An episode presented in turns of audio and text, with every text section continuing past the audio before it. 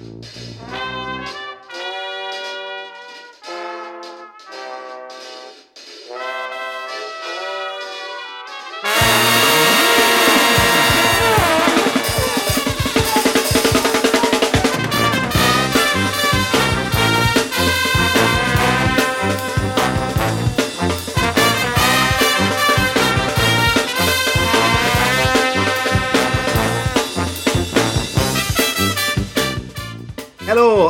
Croeso i benod 16 o Ysbeidiau Heilog gyda fi, Llywyd Owen.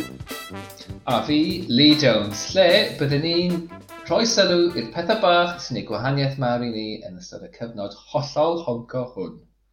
So ni yn bodlediad hollol anibynnol. Does yna ddim hysbysebion ar yn... Uh, podlediad bach ni, ond dwi'n ddim yn meddwl bod ni ddim yn agored i gynigion, so os oes yna unrhyw un allan sy'n eisiau rhoi cash i ni am wedi ei enw, come at us. Um, ond yn y cyfamser, gallwch chi dilyn ni, gallwch chi dan ysgrifio, gallwch chi rannu a gweud wrth y byd bod chi'n joio ein allbwn ni um, at ysbeidio hei pod i ni ar Twitter. A, a beth arall sydd gen ni i ddweud yn yr admin yma, Lee? Uh, oh, just diolch really. ti'n gwybod, mae ma' egos ni'n eitha fregus yn dyna, dyna pan 'dan ni'n podgrefftio. So uh, so ie mae'ch ma' ma adborth a'ch cymorth chi yn yn hollol bwysig i lle sy'n iechyd meddwl. So os ydych chi eisiau...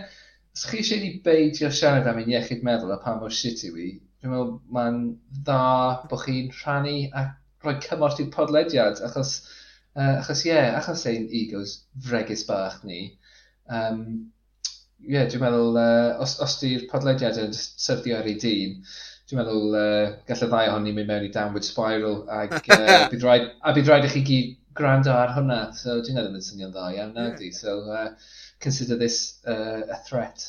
Well, fi, fi wastad yn meddwl bod e'n syniad da dechrau penod gyda bach o emotional blackmail, so da iawn ni fyna.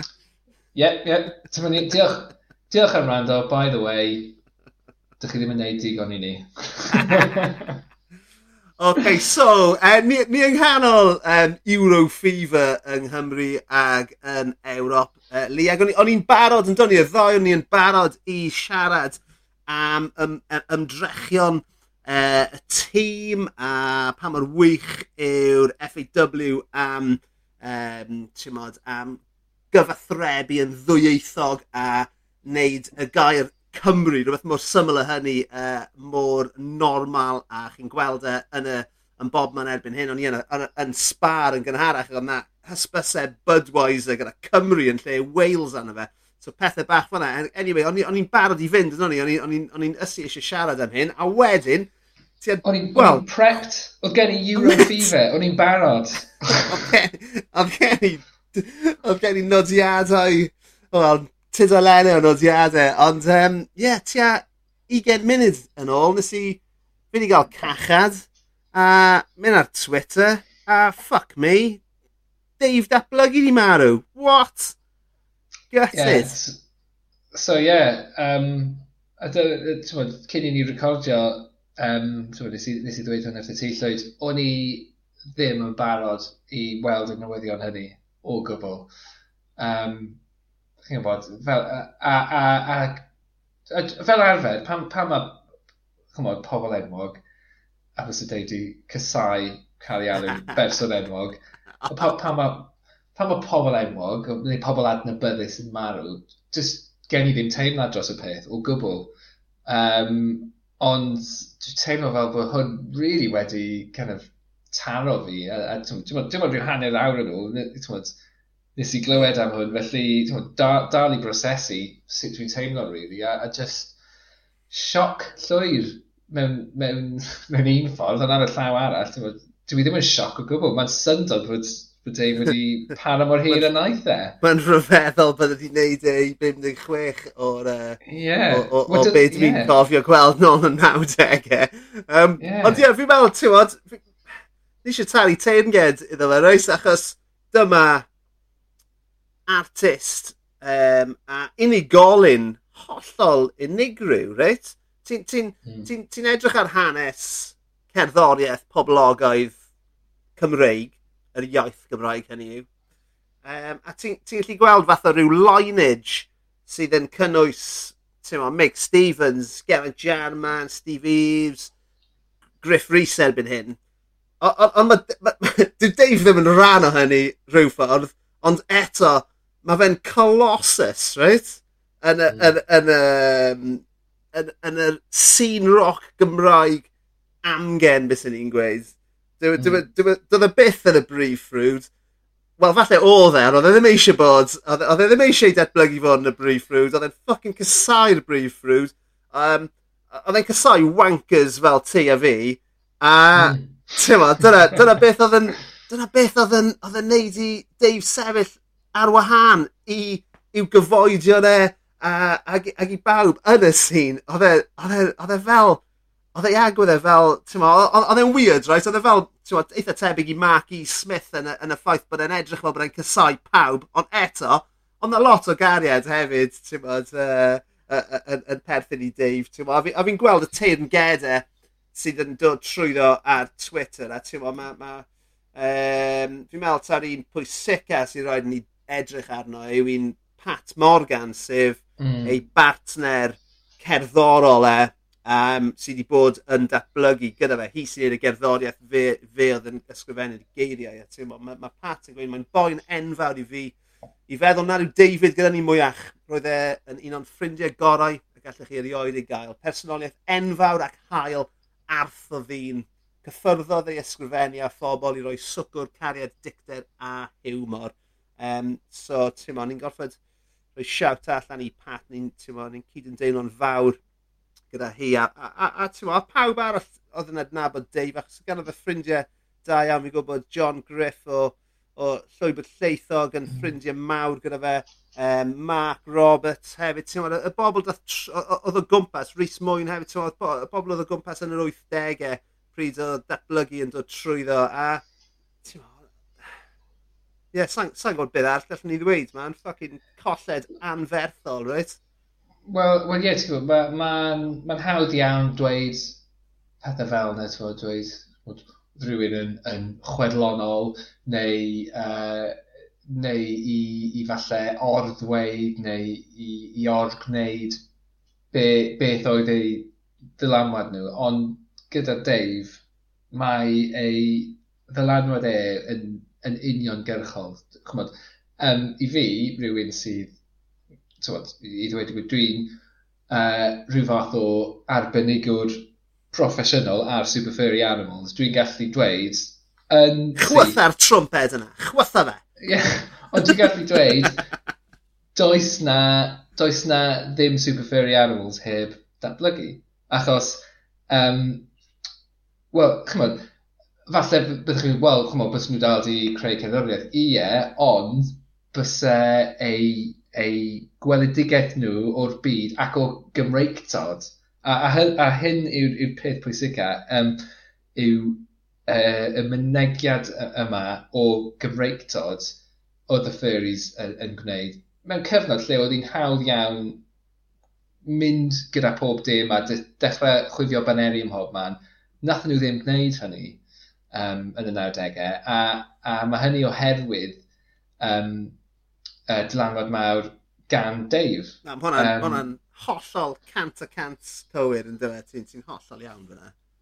Ac, um, a, a, a, yes, a, a, ac i fi, mae'r ma dylanwad hynny i, i fi a, a fy nghymreictod i yn dod o'r furries, a, a mae hynny yn dod mewn, mewn llinell yn syth o Dave. So, mae yna dwy gam yn fanna, Dave, Super Fairies, a fy Nghymreictod i. A dyna sut dwi'n deall beth yw Cymreictod a sut i fynegu Cymreictod yn yr unfed ganrif ar ugen. So, mae'n... Uh, i rywun oedd chymod, mae ma pobl yn meddwl, o, oh, datblygu hen, hen fand o, o'r 80au neu uh, well, 90au cynnar. A, a ti'n falle falle oedd dylanwad Dave a, a datblygu a Pat hefyd yn, yn ar ei gryfaf uh, yn yr adeg hynny, ond mae'r holl beth yn, uh, yn treiddio trwodd hyd at heddi, ti'n gwybod? Um, oedd y ti'n sôn am, am y teunged oedd Pat wedi talu um, ac yn sôn am uh, pa, pa, pawb arall uh, oedd wedi cael dylanwad a, a, a teimlo effaith gan Dave, mae adwaith wedi rhannu um, llun o lythyr ddyn nhw cael gan Dave. Um, peder mlynedd yn ôl, uh, a reaction to adwaith's May 2017 made of session. Better than a long Chasing the Dragon session in its chilling out effect. Congratulations, Adwaith, for sticking a white hot metaphorical poker up the arsehole of the London music scene. Cariad Davy Datblygu. Oh. Ti'n gwybod, just dim rhaid i Dave wneud hynny. A tmod, oedd e'n gweld band ifanc yng Ngherfyddin, lle oedd e'n byw yn y diwedd, a, a, a gweld, ti'n gwybod, bod nhw'n gwneud pethau da, a just, just rhywbeth bach mae hynny. So, mae ma rhywbeth mae hynny'n amlwg mynd i meddwl lot i, i, i fand ifanc. Um, a, a ie, yeah, just, ti'n gwybod, yn amlwg, oedd Dave yn, yn berson uh, chymod, cythryblus ac anodd i weithio efo ar y degau, ond t'mod, fel ti'n dweud, just lot o gariad yna. A, a, a yeah, yeah. eisiau rhannu, eisiau rhannu'r cariad ar, um, ar gres yna, ti'n gwybod? A just, ie, yeah, colli'r yeah, I mean, beth, beth, oedd e'n neud, ynddo fe? A mae hwnna'n lush clywed, just am y, ti'n modd, am, am just y geiriau o fath o gefnogaeth yna i adwaith. Mae hwnna'n arbennig tu hwnt. Ond er gweithaf yr er uh, timod, yr er, fath o'r agwedd um, dim, dim gwrth Gymraeg oedd e, ond, ond beth oedd Dave yn neud, ynddo fe? Oedd, oedd dal drych lan i'r sefydliad Cymreig, ynddo fe? Um, mm, yeah. a, a dangos uh, ffeileddau ni fel Cymru a fel Cymru Cymreig um, yn benodol.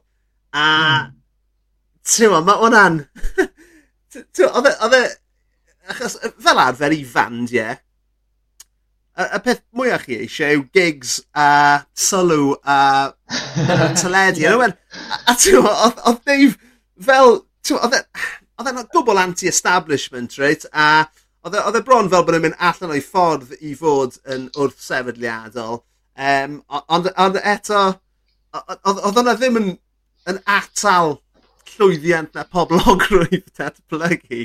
Um, a Dave Edwards fel, fel bardd a fel prif leisydd, achos oedd e just yn ychwanegu at y legend mewn ffordd.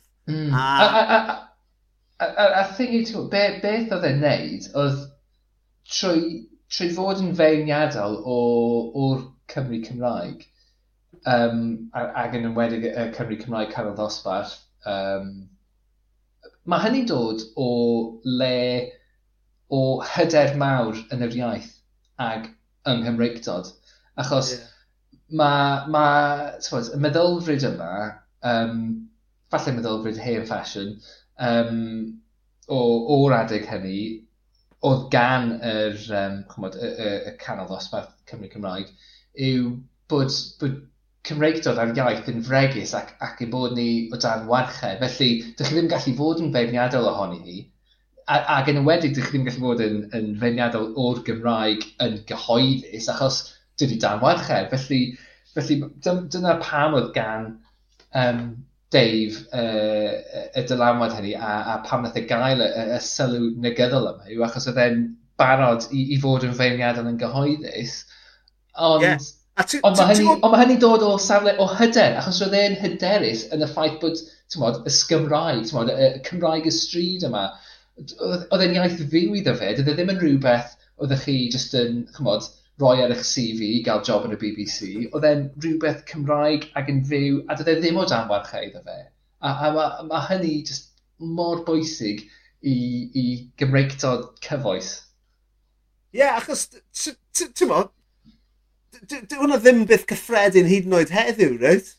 Na. Ni, ni, ni dal... Uh, ni, ni, ma, pryn iawn yw'r yw enghreifftiau o bobl yn fod yn feirniadol yn gyhoeddus yn yr un ffordd ag oedd e. A ti'n ma, mae rhaid talu teirnged i, i faint ei geilliau felly yn dweud. Ie. Yeah. Codi, codi cap iddo fe. Gallai jyst rannu um, i, un fath o anecdote personol gyda ti am Dave.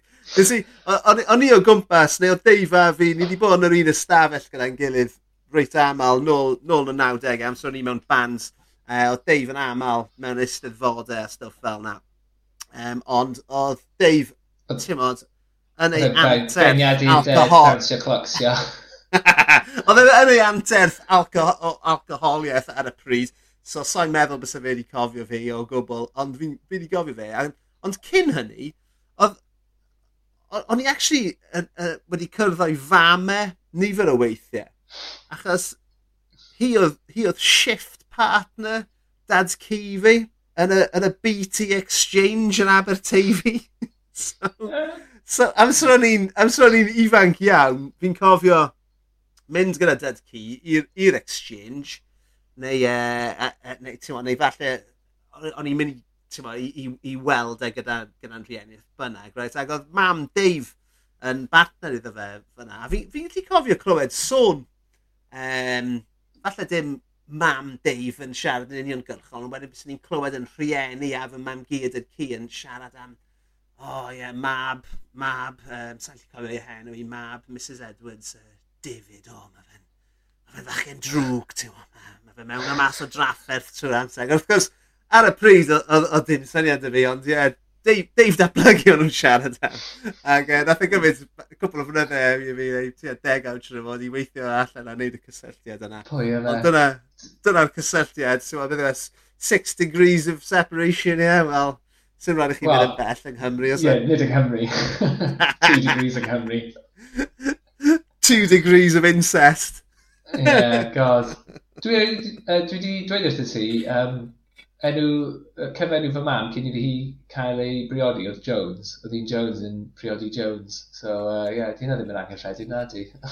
o, oh, paid, paid, ni gyd yn perthyn ma. Ni gyd yn perthyn. Ond ie, yeah. yeah. so dyma, dyma ein teirnged ni i, i Dave Edwards. Hed, heddwch i'w lwchau. E. Y, y, y true Welsh original. A mm. just, ti'n gutted Absolutely yeah. gutted bod e wedi, e, uh, bod e wedi marw. Os unrhyw beth hoffa ti ychwanegu uh, cyn bod ni'n symud ymlaen li? Wel, ti'n modd, well, dim rili. Dwi'n siŵr bod yna bobl sy'n gallu dweud lot mwy na fi, ond ti'n modd yn bersonol mae, mae ddylanwad e uh, wedi bod yn, yn holl bwysig i fy, fy ni alltistod, fy alltisrwydd uh, i, o, o, o Gymreig dod cyfoes. Um, a dwi'n dwi, n, dwi n iawn am hynny. Um, a dwi'n siŵr bydd Dave jyst yn cysau gwrando ar, ar ddau dyn gwyn canol dosbarth yn talu tein gyda iddo fe. Um, so, ti'n gwybod... Well, you better get uh, used to uh, it, right? You better get used to it, yeah. because a lot well, of them get it. Yn dod mewn. Ond, yeah, I mean, y peth, y peth gorau gallwn ni wneud um, i sicrhau bod legacy ag enw uh, Dave Edwards uh, byth yn marw yw i gadw i brynu ei gerddoriaeth neu i rando ar ei mhm. gerddoriaeth e. Um, I mean, nethon nhw nath datblygu rhyddhau album newydd yn ddiweddar iawn nôl dros, so, uh, meddwl... Dros oh, yr haf diwetha, dwi'n meddwl. Ie, dros yr haf diwetha. Um, a, ac os ych chi eisiau darllen mwy amdano fe, nath e rhyddhau bywgraffiad reit fyr uh, nôl yn 2009 a beth ti'n caru'r teitl yma. Teitl ei fywgraffiad e, oedd Atgofion Hen Wank. so, uh, so, a fi'n fi meddwl bod na um, gyfrolau o'i farddoniaeth ar gael hefyd um, i brynu. So, ti'n mo, dyna, yeah, dyna um... beth, neith, neith Dave, Dave Edwards byth farw, achos mae fe wedi creu rhai o'r caneuon a'r cerddi gorau yn yr, mm. mo, yn yr hanner canrif diwetha yma. Ie, yeah, a, a, a, yeah, ac um, chod, mae uh, ma angst music um, dal i ryddhau cydyddiaeth um, datblygu, felly chymod, ewch i cefnogi nhw. Ac un o'r pethau eraill um, yn ddiweddar, dros blynyddoedd diwethaf, oedd Dave yn... Um, ysgrifennu a recordio gwaith trwy'r iaith Saesneg. Felly os chi'n mynd i Bandcamp recordiau Pryn, uh, mae ma hynny ar gael yn fanna ac uh, mae hynny'n uh, ddolen dylsych chi defnyddio i rannu gyda pobl sydd ddim yn siarad Cymraeg i, os ydych chi'n trio uh, egluro a, a dangos pwy oedd y person yma a, a, a beth ydi arddull a, gwybod, prin, prin iawn di, di ei waith yn yr iaith Saesneg. Felly mae'n uh, ma rhywbeth arbennig iawn i, i allu rand arno fe yn, yn ysgrifennu a siarad yn uh, trwy Saesneg. Ah, fucking hell, paradise here, isn't it? Jesus, look at this. Yeah, now then, look at that. You know what that means? Ti'n gwybod, eh? ti'n gwybod mewn yn golygu. Well, basically what it's saying is, the best form of playing is playing together. Isn't it? It doesn't say the best form of working is working together. Work's a lot of shit. Play, man. Whatever you're doing, play.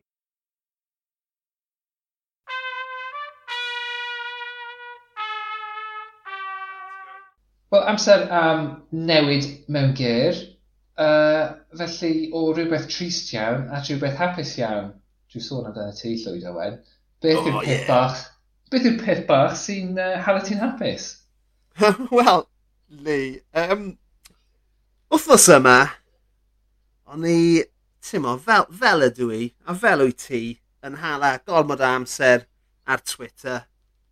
A yn aml, mae Twitter, timo, Facebook hefyd wrth gwrs, a unrhyw fath o lwyfan cyfryngau cymdeithasol yn gwneud dim byd ond torri fy nghalon i a yn neud i fi fynd yn eitha isel fy ysbryd. Mae yna ma na rhywbeth bob dydd yn does yn bychanu hmm.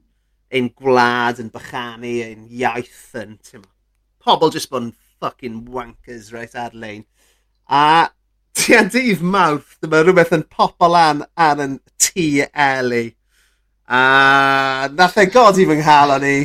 Nath e ddod yeah. a da, dagrau o lawenydd i fy llygaid i. A mae fe'n ma un o'r pethau o genuinely mwyaf hyfryd fi wedi gweld ers amser maith um, yn y byd sydd ohoni. A dwi'n siarad am fideo gan boi o America o'r enw Brent Lee Murray a'i ffrind Jeffrey. A yn syml, maen nhw, maen nhw, maen nhw wedi mynd ar TikTok fi'n meddwl, maen nhw'n recordio, um, ond bod wedi dod trwy ar Twitter fi, ond maen ma nhw'n ma nhw edrych am ffrindiau, um, a maen nhw wedi rhyddhau cyfres o fideos yn, yn, yn, yn, yn, basically yn fath o just, just yn gwahodd pobl i fod yn ffrindiau iddyn nhw. A maen nhw'n dau ffrind, bys ni'n dyfalu bod nhw yn, ti'n bod nhw yn ugeiniau cynnar, Uh, maen nhw'n byw yn Moncton, New Brunswick. A, a, a, a mae fe'r peth... Be? Yn, yn Canada di hwnna, nid America. Yn Canada, sorry man, yeah. mae fe neirfiaeth un warthus yn amlwg. Um, ond, mae'r fideo yma, mae fe mor... Mae fe mor ddiniwed, mae fe mor genuine, mae fe'n anwyl, mae fe'n dyner. Mm. a mae ma, ma, Mae'r ma ddoi, ddoi foi me, ti'n ma, maen nhw'n ma nhw amlwg yn ffrindiau da, a maen nhw, ma nhw bach yn unig. Sa'n gwybod os oedd mwy o ffrindiau gyda nhw yn y gorffennol, neu beth, ond genuinely, se, se, se ni'n byw yn, yn uh, ochr New Brunswick, bys ni'n uh, bys ni'n cysylltu gyda nhw a mynd i, mynd i, mynd i brynu slu, slush puppy iddyn nhw. Slush puppies. Achos maen nhw'n cael slush oh. puppies. Mae'n nhw just mor, mor hyfryd. Ie, yeah, just y fideo yna, ddau ohonyn nhw mewn car, a mae'n dweud, o, oh, dyn ni wedi mynd allan, ni prynu slash puppy, mae yna, ti'n bod, mae yna lot o, uh, mae hwn mae wedi torri lot, so mae, ti'n bod, just, just blas yw en, yn hytrach na ia, so mae hynny'n dda, a just like, oh my god, dyna un o'r pethau bach sydd yn gwneud peth bywyd yn dda, ynddi we? Yeah. A just, yeah, just hyfryd, just, ti'n bod, mae'n ma, neud i, uh, mae'r fideos mae'n yn neud i, um, i, i hyd yn oed y calonau mwy o caled i, i doddi. O, oh, mae'n oh. Ma, y ddau ohonyn nhw. A mae'n ma, ma, ma rhaid sôn am, mae yna gyferbyniad yn does rhwng y golwg ar y ddau ohonyn nhw. So mae... Uh, beth yw'n... Um, Brent yw'r un sy'n siarad. Brent, ie. Yeah. A so Jeffrey Brent... yw'r un sy'n ddim. So mae Brent yn boi mawr gyda... Ar ei gwyneb, gwyneb crwn, meddal, a mae gyda fe llais hyfryd, llais, llais meddal. O, oh, mae just mor melus i rand ar ei lais e. Just, just, ti'n modd, just yn hyfryd i rand ar fe. Fynd mewn i wneud fel um, llyfrau llafar. A mm. mae lais e fel melfed. A wedyn... Ydy. Mae Jeffrey, ei ffrind gorau fe, ddim yn siarad o gwbl. So mae so, so mae fe fel, ma fe fel rhyw um, Jay and Silent Bob llai synigaidd. Mae'n yeah, sefyll mae fel na. Ie, yeah, maen nhw fel Pound Shop Jay and Silent Bob, ond mae Silent Bob yn Silent Jay. Yeah. A, a Silent Bob sy'n neud siarad i gyd. Ie. But, yeah. Maen nhw just, yeah, maen nhw just mor funny. A maen just, ie, yeah, fel ti'n dweud, y gair, y gair yw bod nhw just yn anwyl. Maen nhw just... A newn ni bostio uh, dolen at y fideo yna. So mae'n werth gweld, ond wedyn es i ar ei trywydd nhw wedyn i weld os yna rhywbeth arall nhw wedi rhyddhau. A nes i ddod ar draws fideo wedyn o Brent eto um, yn siarad am golli ei fam. Mae fam yn amlwg wedi marw, sain, sain, sain siŵr pryd.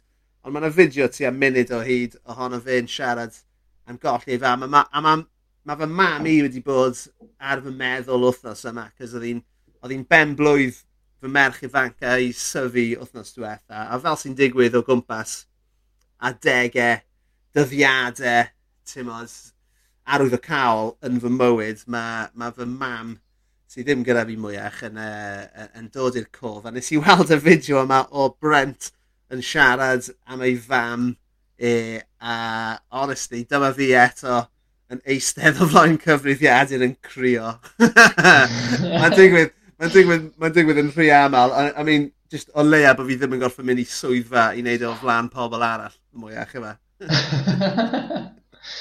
Ond ie, yeah, just, just, just hogyn dyned iawn yn diwe. e. Just, oh, just, just yn teimlo, a, a peth sy'n eitha ffynnu o'n i'n meddwl yw, ti'n y fideo cyntaf yna lle mae'n dweud, ti'n I'm Brent and this is Jeffrey and, you know, we're, uh, we're ready to, you know, we want to uh, sort of expand our friend group, you know, there were five of us, but now there's two, and, and now, now we're ready to branch out a bit more. I just meddwl, fi wedi sent text o hwnna, ready to branch out a bit more. Dwi'n dweud, like, boi yma, dwi'n fucking bored ohono fe. Ma- Dyn ni 'di- dyn ni 'di siarad efo'n gilydd, dyn ni gyfod life stories yn gilydd, a dyn ni wedi cyrraedd y diwedd, just fucking, dyn ni angen rhywun newydd, just please rhywun newydd. Um, a mae fe, ond... fe hefyd yn werth mynd i edrych ar y fideo eh, maen nhw wedi rhyddhau o, o nhw'n diolch am, am, am bobl wedi rhannu eu fideo ac o ganlyniad maen nhw wedi, ti'n gwbod, mae gen nhw loads o ddilynwyr newydd ar channel Twitch nhw a stuff fel un a maen nhw mor, eto maen nhw mor hmm. oh. ddidwyll o ddiolchgar yeah.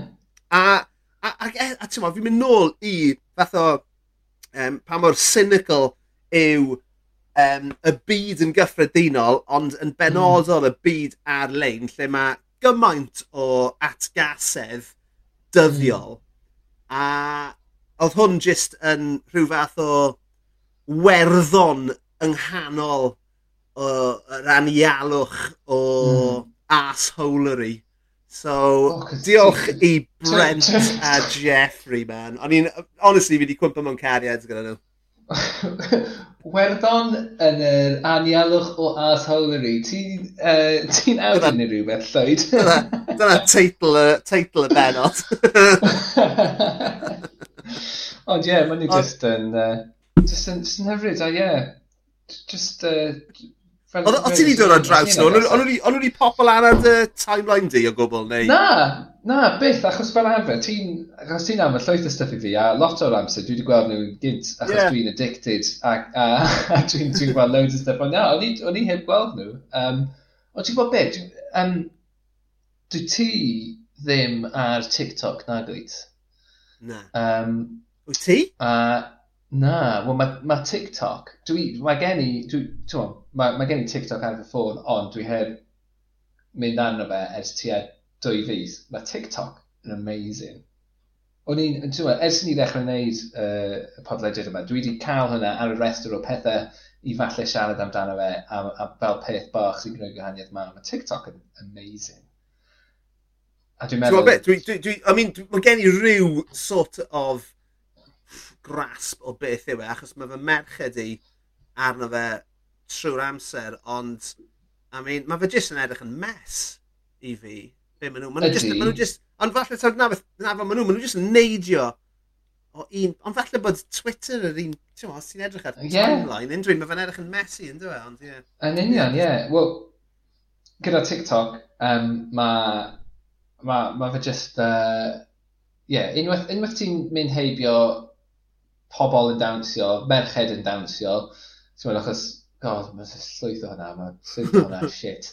Unwaith ti'n ffeindio, unwaith ti'n kind of dangos i'r app beth wyt ti'n hoffi, a ton, unwaith ti'n dangos i, i Lywodraeth China beth wyt ti'n hoffi, maen nhw'n mhm. gweinedd i chi efo, efo beth ydych chi'n hoffi. A mae'n dda, dwi'n dilyn cyfrifau arno fe, maen nhw'n cael peli, wel nid hei arno dyn nhw, ond peli metal neu rhywbeth, a maen nhw'n just yn cynhesu nhw at rhywbeth hit fel t'mod 1200 degrees Celsius neu rhywbeth. a jyst yn rhoi e mewn i hylifau gwahanol fel t'mod llaeth neu mayonnaise neu ketchup neu beth bynnag a jyst dangos i chi sut mae'n bedwi a beth am so ma' hwnna'n weird. Ond mae'n ma, ma' 'na rywbeth pleserus iawn am hynny. A chymod, jyst jyst rhyw 15 eiliad. Achos dyna'r peth hefyd. Unai pymtheg eiliad neu munud dyna yw hyd fideo ar TikTok. Felly mae'n gorfodi chi, os chi'n gwneud 15 eiliad, mae'n rhaid i chi wneud lot, a mae'n rhaid i chi fod yn eitha kind of cryno mewn dweud eich stori chi. A'r un peth gyda munud hefyd, ond be, be mae wedi gwneud hefyd yw, dwi'n meddwl bod TikTok wedi uh, democrateiddio comedi yn llwyr.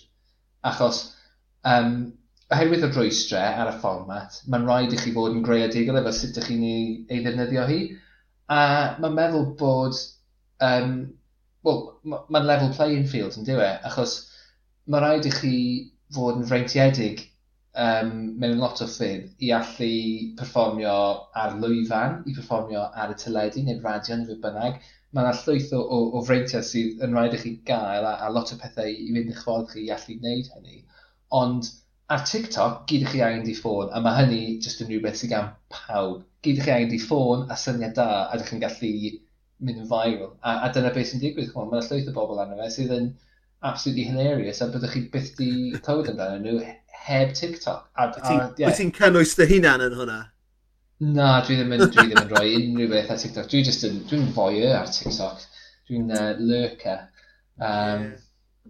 Ond ie, yeah, dwi'n dwi, dwi fan mawr o TikTok. A'r ffordd, a ti'n fel, fel efo uh, Brent a Jeff, Jeffrey, ti'n mae'r um, mae ddau ohonyn nhw wedi ffeindio uh, ffenest Wel, maen nhw wedi rhoi siop ffenest i'w hunain er mwyn i'r holl fyd dod i mewn a, a, a gweld eu byd nhw. A fel ti'n dweud, mae gen nhw tan ysgrifwyr ar Twitch a fe bynnag nawr, felly mae gen nhw incwm siŵr o fod yn dod o hynny.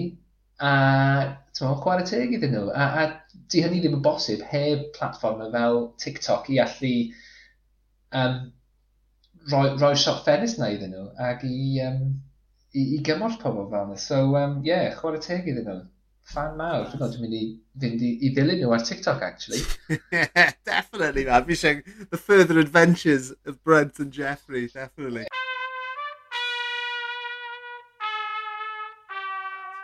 Gan adael New Brunswick yn y drych ôl, beth am symud ymlaen a edrych trwy'r ffenest ffrynt. A be ni'n gweld, Lee, beth be, be sydd ar y gorwel? Beth sydd wedi bod yn gwneud ti'n hapus yr wythnos yma? Wel, o'n i'n mynd i siarad am rhywbeth arall heddi, ond uh, nes i fynd allan heddi gyda fy mam a fy merch. Nethon ni cael diwrnod allan yn yr hael. Um, a nethon ni fynd i'r traeth. A nes, nes i sylwi, dwi di, dwi'n mynd i'r traeth lot. Pob tro... Ti yn, am, am, am foi sy'n byw yng nghanol Llundain, ti yn mynd i'r traeth lot. Pob tro, ie, yeah, pob tro dwi'n gadael Llundain, dwi'n mynd i'r traeth. A dyna lle dwi'n mynd. Um, a ti'n meddwl, falle, ti'n meddwl, paging Dr Freud, mae yna rhywbeth yn fanna yn does am, y, am yr holl gofod o fy mlaen i pan ti'n ti eistedd ar draeth. Ond ie, uh, yeah, dyna'r peth bach i fi yw y traeth. Achos, pa, pa draeth um, yn benodol ti wedi bod i heddiw?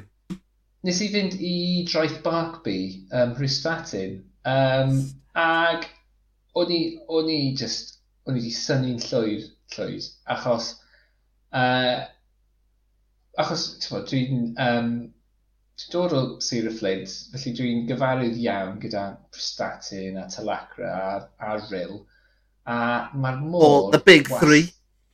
Yeah, aka the big three. Uh, ac os chi'n teimlo'n posh, Colwyn Bay. Um, dwi wedi jet ski oedd Colwyn Bay, mae'n yna. That's a classic. um, ond uh, gyda Saeson hefyd, o, oh, hwnna jyst yn afiach yn dweud. Um,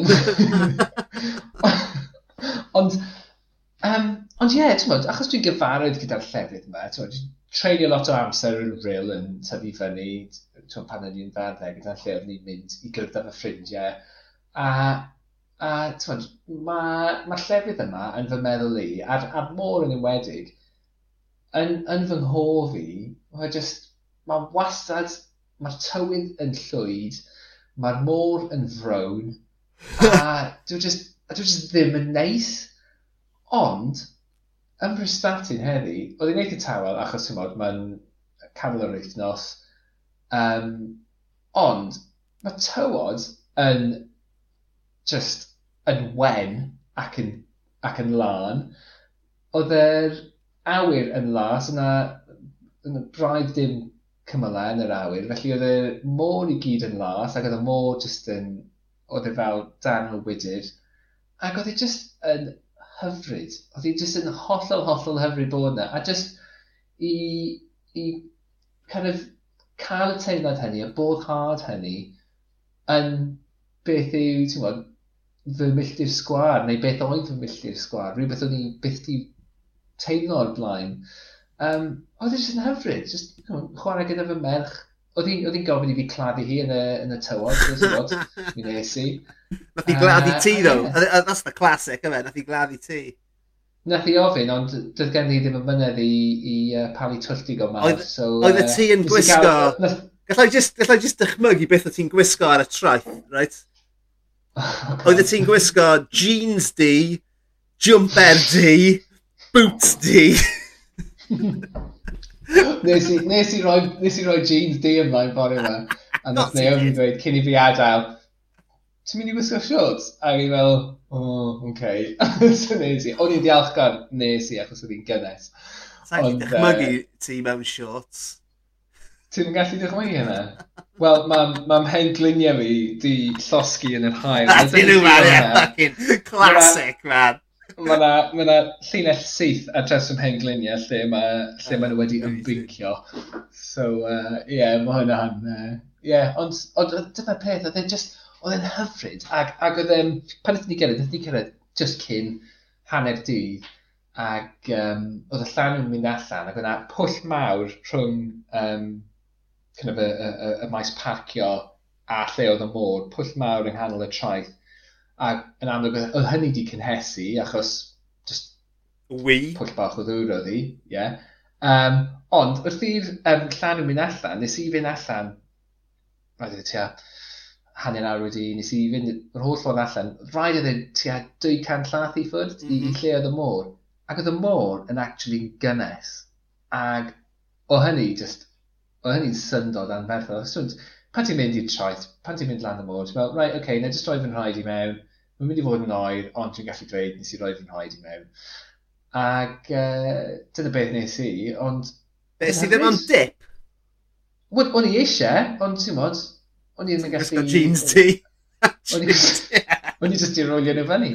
Na, ond o'n i ddim yn gallu... Ti'n bys rhaid i fi... Uh, Ti'n mynd yn borcyn os ni wedi mynd am dip go iawn yn fanna, ond... Uh... Ti'n byth siarad am hynny? Ti'n byth yn ei bod i fath o nudist beach?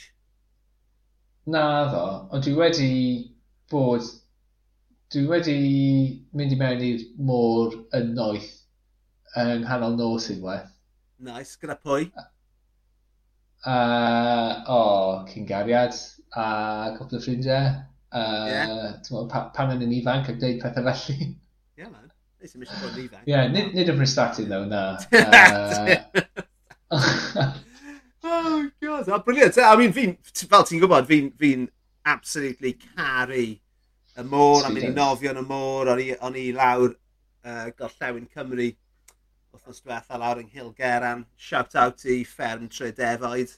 Um, um, ac o'n i um, ar y nos sadwn oedd hi'n ddwrnod brawn. O'n i bod, o'n i bod yn ffordd ffam trwy'r dydd ac oedd hi'n absolutely rhostio yn ffordd ffam. Mm. So ar y ffordd nôl, neu ar diwedd y dydd, eithon ni i droeth popit ger Aberteifi. Um, tia, oedd hi tua hanner i 7-8 o gloch y nos, a oedd fi, Lisa, y merched, a dwy ffrind gyda'r merched hefyd lawr gyda ni, a o'n i gyd yn y môr am probably hanner awr, tri chwarter awr yn nofio am wyth o gloch y wow. nos. Oedd hi'n absolutely wow. stunning. A, ti'n mo, oedd, um, oedd rhywun, oedd hi un o'n, dwi'n gweud bod y, gweud bod yr, um, O falle taw Lisa oedd yn gweud, o oh, mae'r ma ma, dŵr mor, mor glir, mor lam lawr fan hyn. Ac o'n i fel, wel ie, yeah, achos ni'n ni, ni, arfer, ti'n gwybod, ni, y treithau ni'n mynd i yw traeth Penarth, Bari, mm. llanelltid Fawr, right, a lawr i Porth Cawl a Southern Down. Ac wrth mm. gwrs mae'r ma dŵr fel ysgytlaeth siocled lawr fyna, achos yeah, ma, yeah, y Bristol yeah. Channel ni'n siarad am reit gyda cachod masif yeah. a nuclear waste yna fe. So, so, so yeah, mae'r ma, môr lawr yn, yn gorllewin Cymru yn mynd i fod yn lot mwy clir. Ond, uh, yeah. yeah, a mi fi'n fi absolutely caru fe. Falle, falle achos estuary yw e, achos mae'r dyfrdwy yr un peth, a falle mm. hynny yw reswm, achos dyna beth mae môr fel Um, yeah, well, na, ond on, eto, ond ti'n siarad, ti'n ti siarad um, am ardal reit ddiwydiannol a reit brysur a reit gil mm. yn dwi ti, lle yeah, yeah. yeah. statin hefyd. So mae'r un peth yn wir fyna, mae jyst yn, ti'n mae jyst yn y yn anffodus, yn dweud, ond, uh, ond dwi, dwi'n ddim yn stopio fi. Ie, fi'n siŵr, man. Os gyda ti, I mean, ti lan, ti lan yn, uh, yn Flint am y penwthnos. Oed ti'n uh, mynd i wisgo unrhyw ddillad lliwgar yn yr amser yma? Uh, dill, dillad lliwgar? um... Peintio ti fel goff fan hyn, man, a fi'n gwybod bod hwnna'n anheg. dwi... Wel, dwi'n gwisgo lot o ddi i fod yn dweud. Ei, gwybod lot i na, ei. Dwi'n meddwl, uh, wel, Dwi'n mynd i cario mai gwisgo'r shorts me. Dwi'n mynd i zoo caer fori. so... Ond mae gyda ti'n beis nawr ar dy goesau, ynddoes? Mae gyda ti beis san neis ar dy goesau, so man yma'n cario hwnna ymlaen. Dwi'n meddwl, falle na i rolio'r shorts i fyny, um, just i kind of cymryd hwnna'n uwch. Uh, ti'n gwybod, trio cael yr all over tan. Um, pwy oed falle na i, na i uh, brawychu'r anifeiliaid i gyd. O, oh, yeah. brawychu, what a word. Na, good. What a word, brawychu. Nes ni bysgota honna o ddyfnderoedd fyna, do, chwarae teg. Do. Lovely. Don't mean uh, Lovely. hesitatio am aliens. Yeah, Lovely. Ond, uh, yeah, so, hey, ma hwnna'n lyflu. Um, fi'n gwybod bod ni wedi dechrau'r benod yn siarad am rhywbeth reit drist a dirdynol. Uh, dim jyst i ti a fi, ond i'r genedl gyfan. Ond, um, mm. ti'n ni'n gorffen gyda dy goesau noeth di a'r draeth prestatyn ac ar y nodyn yna. dyna, ie, yeah, dyna be bydde Dave. dyna be bydde fe di eisiau. Di Definitely. siarad am yn hoesau. E i. Fe gallu dychmygu Dave yn gwisgo di ar draeth ar diwrnod braf, ie, yeah, a, a wedi troi ei drwsus lan hefyd. Fi yn gallu dychmygu hwnna. Ie, ie, ie. Nice one, Lloyd.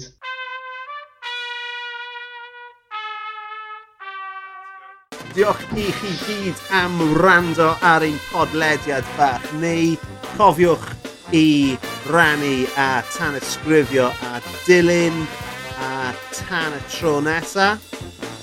Hwyl fawr! Diolch yn fawr! Ta-ra!